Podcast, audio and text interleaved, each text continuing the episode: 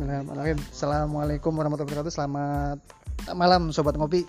Ah, kita kebetulan lagi ada di Elkans Coffee. Letaknya dekat kampus UMC di Watu Belah. Ini kita lagi di oh ya di Pesalakan ya Om ya? Ya, Udah, kelurahan Pesalakan. Pesalakan Pesalakan. Ini kita bakal ngobrol sama ownernya Elkans Coffee. Om siapa Om? Maaf. Izudin. Om Isudin di Elkans Coffee ya. Ya, Terus ada teman-teman dari mana juga nih Om? ada dari Lampung. Ada dari Lampung, Ya, ada dari Jamblang, ada dari Jamblang, dari Plumbon, dari Plumbon, dari Tengah Tani. dari Tengah Tani. Oke, malam ini kita ngobrolin apa nih Om? Kita ngobrol santai aja.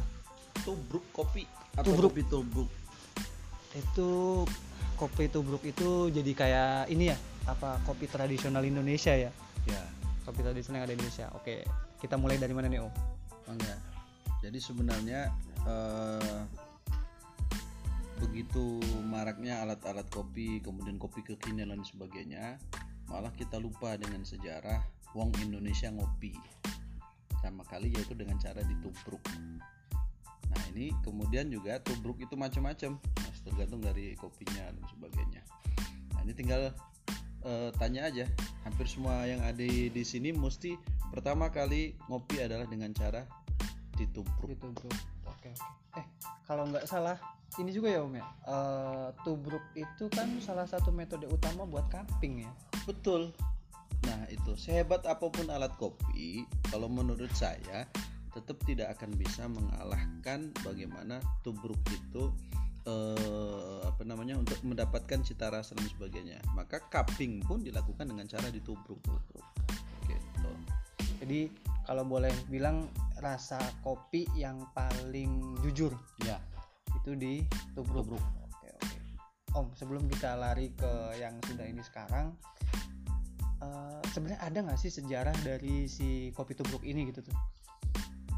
Nah, ini eh, bangsa Indonesia itu sebenarnya awal-awal mengenal kopi itu bukan sebagai pemilik lahan karena persebaran mungkin ada sebagian daerah ya, sebagian daerah yang memang di awal ketika masa kejayaan Islam itu sudah memiliki eh, kebun kopi dan sebagainya. Hmm. Tetapi persebaran yang yang masif dan persebaran yang lebih eh, apa namanya maksimal itu setelah kemudian Belanda datang ke kita Hmm. dengan cara setiap daerah itu dibagi eh, apa namanya bukan dibagi diwajibkan tanam kopi Iya. Kemudian dari situ tersejarah muncul. Nah kenapa dengan ditubruk? Zaman dulu tidak ada alat lain. Oh. ya selain disangrai nah, kemudian begitu disangrai langsung ditumbuk. Mm-mm. tumbuk caranya langsung ditubrukkan. Kenapa tubruk itu ya tadi? Dari bahasa Jawa mungkin bruk begitu saja. Di di dibruk begitu saja itu wong Cirebone kak Iya. dibrukin mengkonon Iya, bae lah. pad- padu bruk bae. Padu bruk nah gitu.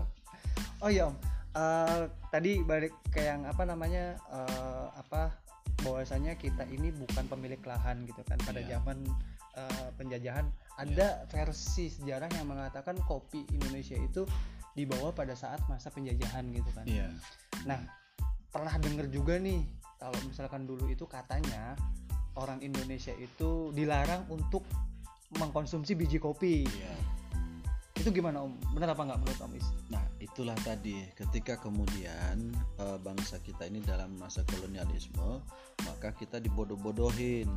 Nggak boleh memakan biji kopi, apa maksudnya me- mengelola biji kopi langsung.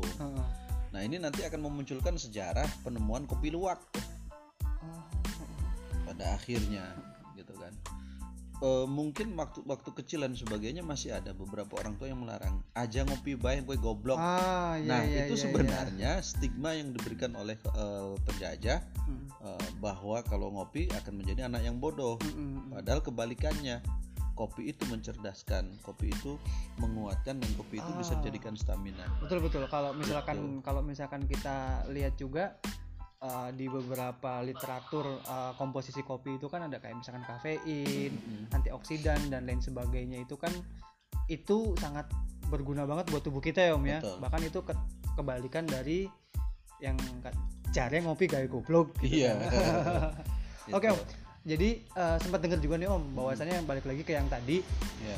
Eh, orang Indonesia itu dilarang minum eh, dilarang mengkonsumsi kopi dalam bentuk apa pun jadi bolehnya itu makanya orang Indonesia itu ngakalin dan apa namanya eh, tertarik untuk ini kenapa sih para orang Belanda ya kalau nggak Iya, salah ya. iya. zaman Belanda itu eh, mereka nanam kopi sementara kita nggak boleh minum pada akhirnya tuh Iya, mereka mengkonsumsi kulitnya iya. daunnya Iya, gitu kan ya om ya kemudian daunnya atau daun eh, bahasanya teh kopi. teh kopi Iya, teh kopi.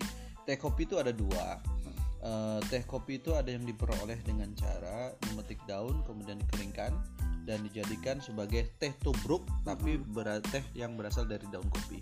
Nah, kemudian ada juga karena bagi mereka eh, pada saat memproses itu ada yang namanya kaskara. Kaskara itu sebenarnya bahasa Amerika Latin oh antara Portugis aku atau malah eh, ininya ke Caracas gitu loh ibu kota Bukan. Meksiko Nah, iya sebenarnya Amerika Latin sana. Kaskara. Kaskara itu it means kulit, skin Oh, gitu kan. Nah, maka di di Indonesia jarang orang menemukan itu juga. Hmm. Tapi ada beberapa yang khusus untuk beberapa produsen kopi memproduksi juga kaskara. Termasuk ya rada promos titik ya. Ning Elkan seanak. siap siap siap nih buat teman-teman yang nyari Kaskara. eh, kaskara ada yang mungkin penasaran juga belum nyobain kulit kopi itu kalau dibikin teh seperti apa boleh nih datang ke sini gitu kan oke om kita balik lagi ke apa namanya tubruk Tubruk. bisa menjadi metode dasar untuk cupping gitu loh Iya. itu eh, apakah memang itu sudah ditemukan sebelumnya atau mereka tidak menyadari bahwasanya itu sudah dipakai sama Indonesia itu sudah sangat lama. Jadi sebenarnya dengan tubruk itu penilaian kopi akan lebih jujur, Hmm. penilaian kopi akan lebih maksimal dan ekstraksinya juga akan maksimal. Tidak ada campur tangan, eh, tidak ada campur eh, mel- mesin dan sebagainya. Kalau teman-teman tahu di mesin kopi itu kan ada seberapa eh, tekanan yang diperlukan, ah betul betul berapa betul. bar dan sebagainya dan Ah, ah. sebagainya. Di tubruk itu cukup kemudian kita hanya membrukan kopi. Uh, yang perlu diingat juga selain itu ada yang belum paham juga bahwa ketika menubruk pun butuh yang namanya blooming.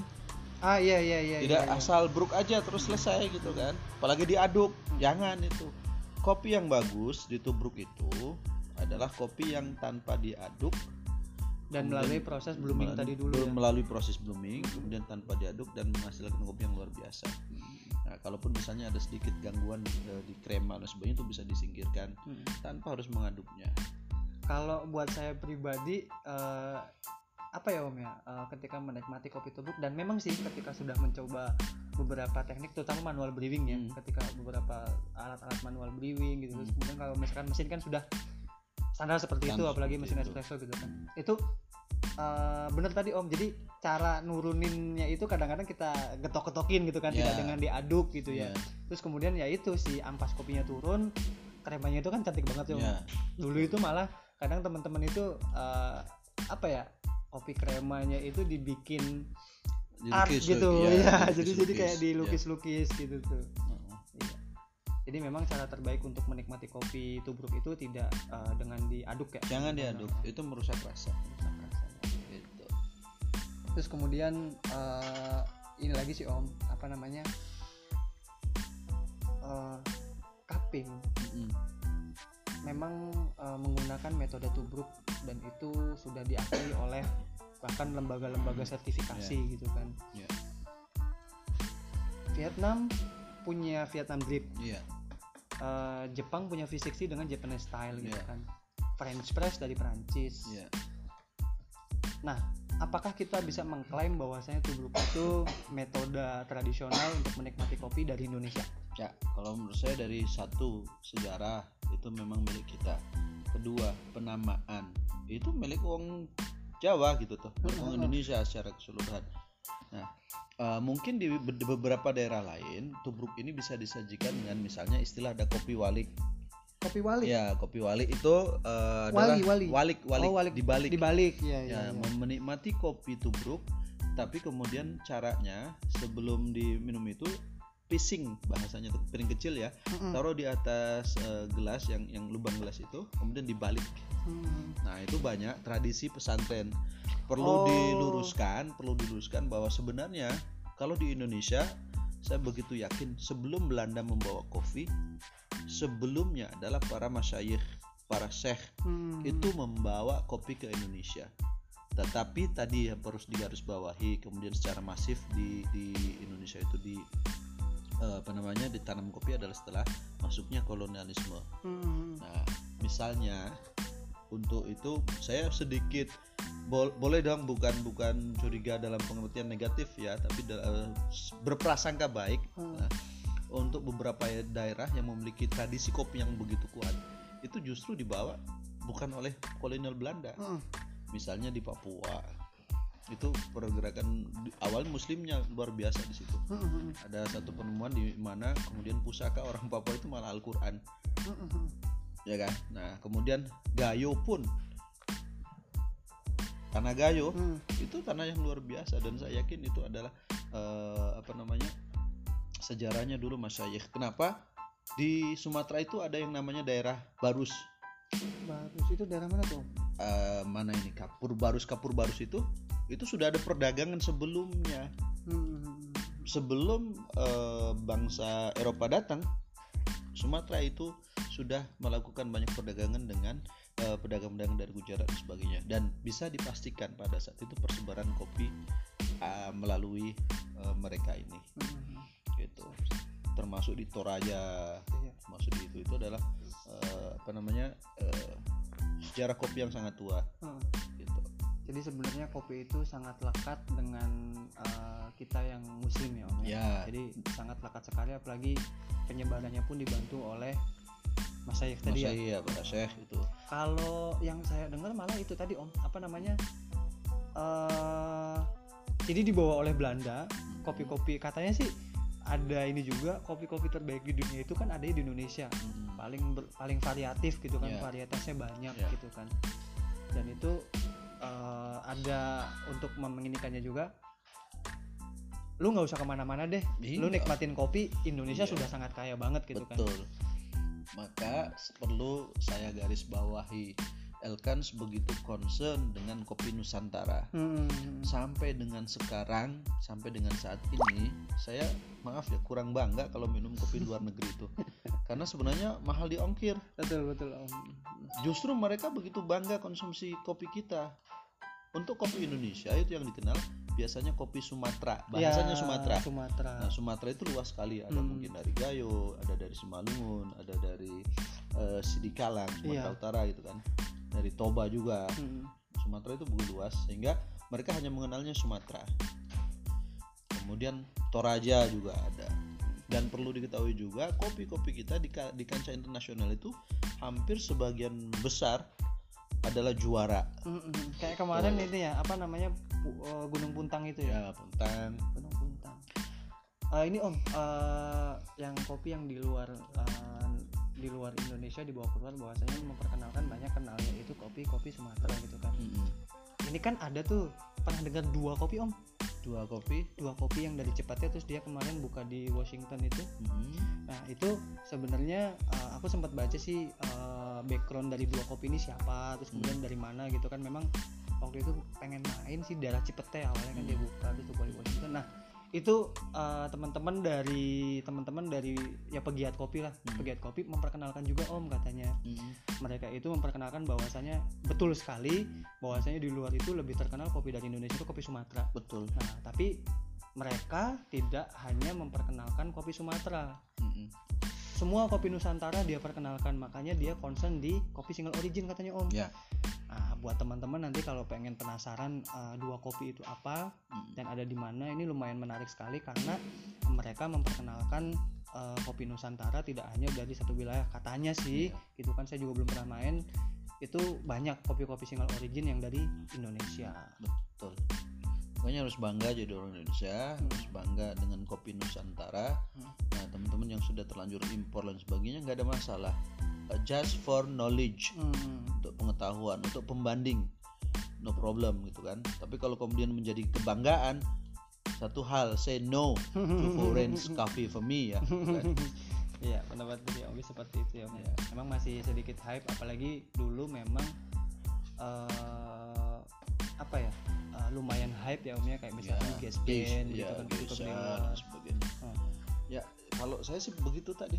Orang begitu bangga dengan dengan eh, apa namanya? kopi, kopi. Nusantara. Oh, kopi Itu Nusantara. Kenapa kemudian ini kita bangga? Nah, harus diciptakan cintaan kita bahwa hubbul waton minal iman itu. Iya. Ah, itu harus benar-benar. Nah, balik lagi ke tubruk. Ya. Sebenarnya orang Indonesia begitu kecil lahir menikmati kopi itu mesti ketemunya dengan tubruk. Zaman kita kitaan dulu, ya Hmm, kan? Mungkin anak-anak kita sekarang anak-anak saya ini sudah mengenal eh, sistem seduh lain misalnya V60, Vietnam Drip, kemudian French Press, Aeropress, kemudian Aeropress dan sebagainya. Itu adalah zaman sekarang. Tapi zaman kita kecil yang kelahiran eh, eh, belum eh, milenial gitu ya. itu Boleh. ya. Ah, langsung aja om yang udah tua gitu Nah, kalau tua itu relatif. relatif Ya, kalau dewasa ya iya tadi. betul om Ah, Artinya begini, saya ada kenangan bagus dulu ketika kecil itu Iya. eh, apa namanya? Saya kalau minum kopi Hmm. eh, almarhum abah saya Iya. itu kan sering banyak tamu. Nah, Iya. Kalau boleh ngaku saya jadi barista itu dari kecil om. Wih, Oh, nyeduh kopi ya. Nyeduh kopi itu bahasanya. Jadi brewer itu dari kecil. Jadi takaran beliau dulu eh, satu sendok makan kopi. Iya. Nah, zaman dulu mungkin lebih banyak atau lebih ini adalah di robustanya. Sekarang sekarang aja arabica dan sebagainya itu dikenal. Kalau zaman dulu mesti ketemu, ketemunya dengan robusta. Sat, eh, dua sendok eh, satu sendok makan full itu Hmm. kalau di, di, di tera ya berarti sekitar 10 graman Iya. Nah, kemudian biasanya kalau yang suka banget dengan pahitnya kopi, cukup dengan satu sendok teh gula Ah, itu. Nanti ketemu kemudian seperti itu. Tapi kalau kemudian tidak terlalu pahit, dua sendok teh gula. siap, siap. Itu rumus dulu abah ya Ah. eh, di di diaduk eh, apa namanya di diajari eh, apa nam, eh, ngaduk kopi Ngaduk kopi. kopi. Nah, du- dulu tidak kenal namanya apa blooming itu. blooming dan sebagainya Taunya adalah bagaimana. Sebenarnya sudah dipraktekkan itu, Om. Dulu diajarin sama Abah itu jangan dituang sepenuhnya dulu. ah, Jadi eh, ininya apa? Standar Ah. operating prosedurnya seperti ini. iya Satu sendok makan eh, kopi, kemudian tuangkan eh, satu sendok teh gula. hmm. Nah, kemudian setelah itu dikasih air sedikit dulu, diaduk sebentar, stir well istilahnya. Nah, setelah sudah eh, gulanya sudah agak eh, cair ya sama dengan kopi itu menyatu, Hmm. baru ditambahkan Ah. dengan setengah gelas Oke gitu. oke oke oke. Dulu juga kan uh, ini sih uh, saya pribadi gitu kan Mm. sebelum mengenal kopi ini ya cara nyeduh kopi saset aja itu ada trikinya itu kan. Uh, ya itu sambil sama gitu kan dari saset terus kemudian dimasukin itu harus dengan air yang mendidih lah Betul, terus kemudian iya. diaduk berapa kali gitu Iya. kan. Itu cerita-cerita dari temen yang teman-teman yang memang berawal dari kopi-kopi saset gitu tuh kan. Mm-mm. Oh iya Om, ini barangkali dari teman-teman ada ada yang dari pesantren barangkali? Ada Mm-mm. tuh. Dari Ustadz. Ar-Rasyid dari Ar-Rasyid barangkali eh gimana sih gitu kan kopi barangkali di pesantren barangkali punten pak kenalin dulu pak Ya, kenalkan dulu nama saya Taufik. Ya, lebih dikenal dengan Pak Guru. Karena suka suka menggurui. Ya. Padahal sih perlu digurui kan begitu. Denger-denger kopi.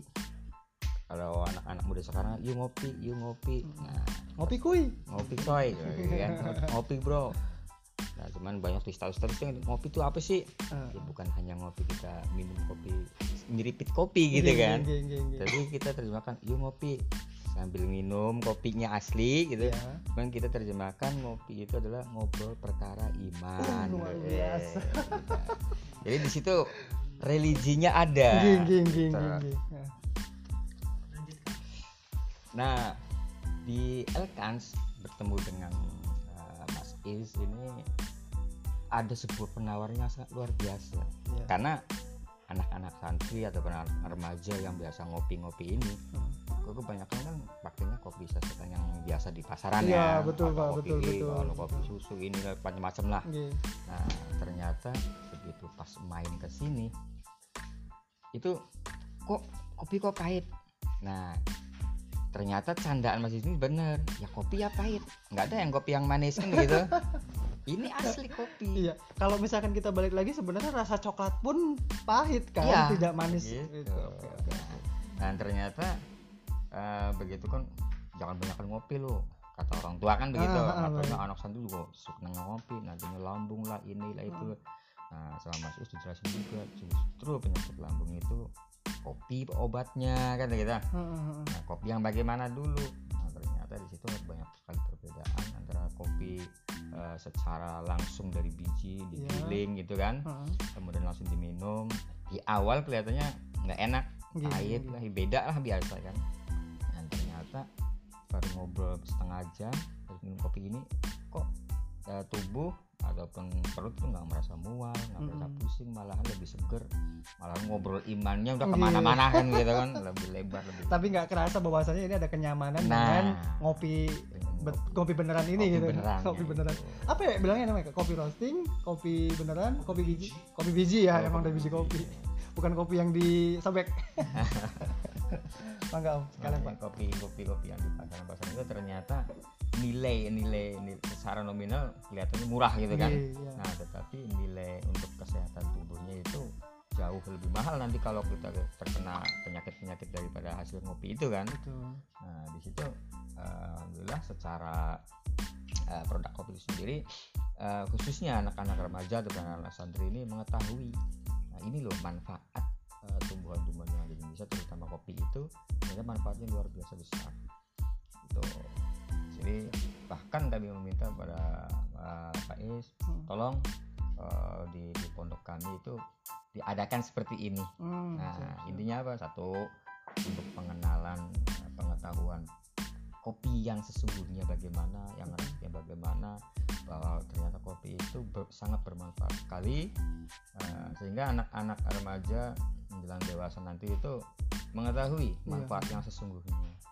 Eh, dan jangan sampai di, dikelabui oleh eh, para bisnis yang hanya mengejar omset Oh, besar aja betul, kan Betul, betul. tanpa eh, memberikan sebuah manfaat dari produk yang dihasilkan itu. Eh, kalau ini Pak, apa namanya? Eh, saya sempat dengar cerita bahwasanya eh, tadi juga kan Omis bilang gitu kan eh, bahwasanya kopi ini sangat lekat sekali dengan penyebaran agama Islam juga gitu kan di Hmm. di Indonesia ini gitu kan. Sehingga menghasilkan varietas-varietas yang tadi eh, bervariasi gitu kan. Kopinya tidak hanya eh, Gayo, tidak hanya Papua, tidak hanya Bali gitu kan. Hmm. Jawa lebih kaya juga itu banyak gitu kan.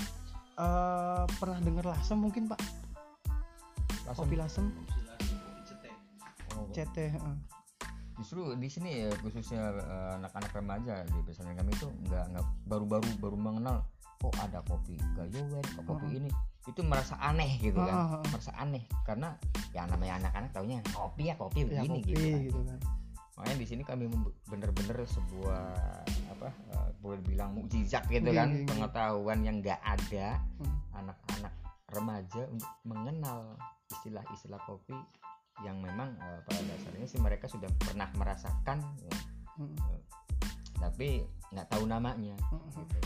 jadi Gitu. saya itu pernah dengar juga sih eh, di daerah Jawa Timur itu kan sudah ini juga apa namanya eh, di pesantren itu jadi buka- bukan ini ya eh, kita mungkin baru mengenal kopi-kopi ini sekarang lagi hype-nya gitu kan Ya. gara-gara film yang satu itu mungkin ya Om ya di Indonesia memang tidak bisa tidak tidak bisa menampik bahwasanya eh, kopi biji di Indonesia itu naik karena memang hype-nya dari kopi itu tadi gitu kan film filosofi kopi itu kan. Tapi ketika saya pernah pak eh, apa namanya keliling eh, waktu itu kita bikin program dari komunitas namanya tadarus kopi gitu kan. Nah itu eh apa namanya di pesantren itu sudah kenal terlebih dahulu dengan dengan dengan kopi-kopi biji ini. Tapi ya itu tadi kopi lasem gitu tuh. Ya. Terus kemudian kopi apalagi ya? Ya tubruk gitu kan. Tubruk lebih ini juga gitu tuh. Kalau di tempat tempat barangkali ada sejarah awal inisiasi kopi-kopi biji pak? Belum belum.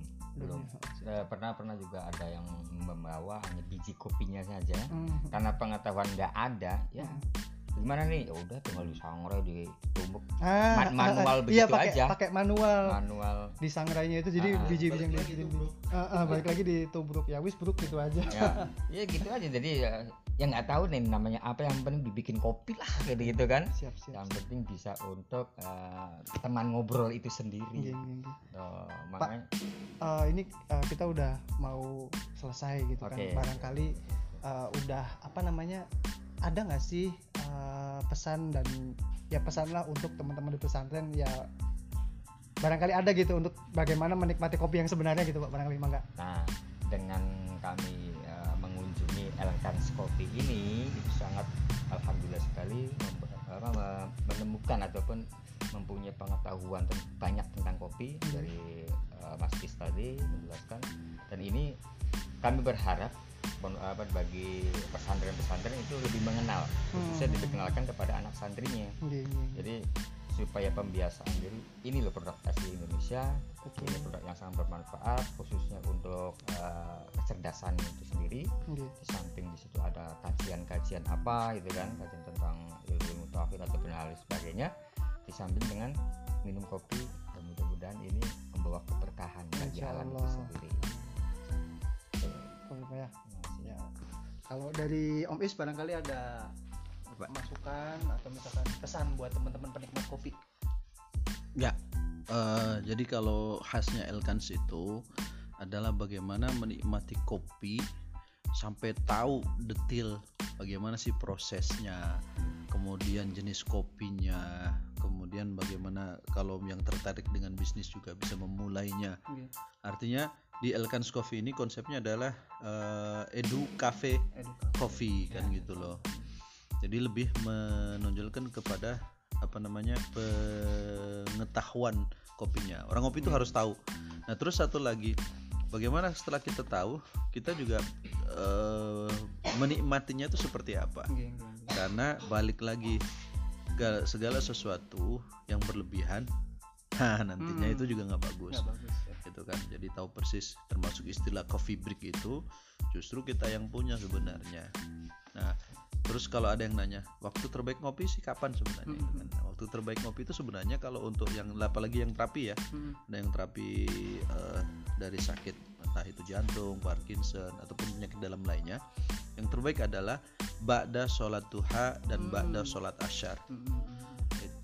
Satu lagi silahkan bisa di eh, apa namanya diambil oleh teman-teman yang lain ketika menghadapi eh, penyakit apa pun penyakitnya coba maksimalkan untuk minum kopi di, wak- waktu tadi di coffee break tadi ya nah kemudian caranya ditubruk saja nggak masalah kalau belum ada alat eh, yang eh, tersedia setelah itu tambahkan dua sendok madu Ya. Oh iya iya iya. Nah itu dua sendok madu dengan kopi tubruk. Jangan pakai gula ya Itu insya Allah hasilnya luar biasa. Dan dengan terapi ini saya Alhamdulillah banyak sudah mengobati beberapa eh, orang yang tadi terkendala dengan kesehatan Itu Siap. Terima kasih. Oke siap. Jadi sobat ngopi uh, tadi uh, berawal dari kita ngobrolin masalah uh, bukan masalah sih dengan sejarah tadi kopi tubruk terus kemudian jadi kaping terus kemudian kebetulan ada teman-teman juga dari Arasid ya Pak Ustadz jadi terima kasih banyak itu apa namanya pengetahuannya. Uh, jadi teman-teman nanti uh, boleh tuh dicoba tuh yang tadi disampaikan sama Om Is nanti atau misalnya kalau misalkan perlu ntar main ke sini ke Elkans Coffee uh, uh, dipesalakan nah, nanti teman-teman uh, bisa konsultasi juga tuh barangkali ada usaha dan lain sebagainya mungkin sampai sini aja obrolan kita malam ini. Uh, jajan kopi ngobrol santai di kedai kopi. Wabillahi taufiq wassalamualaikum warahmatullahi wabarakatuh. Waalaikumsalam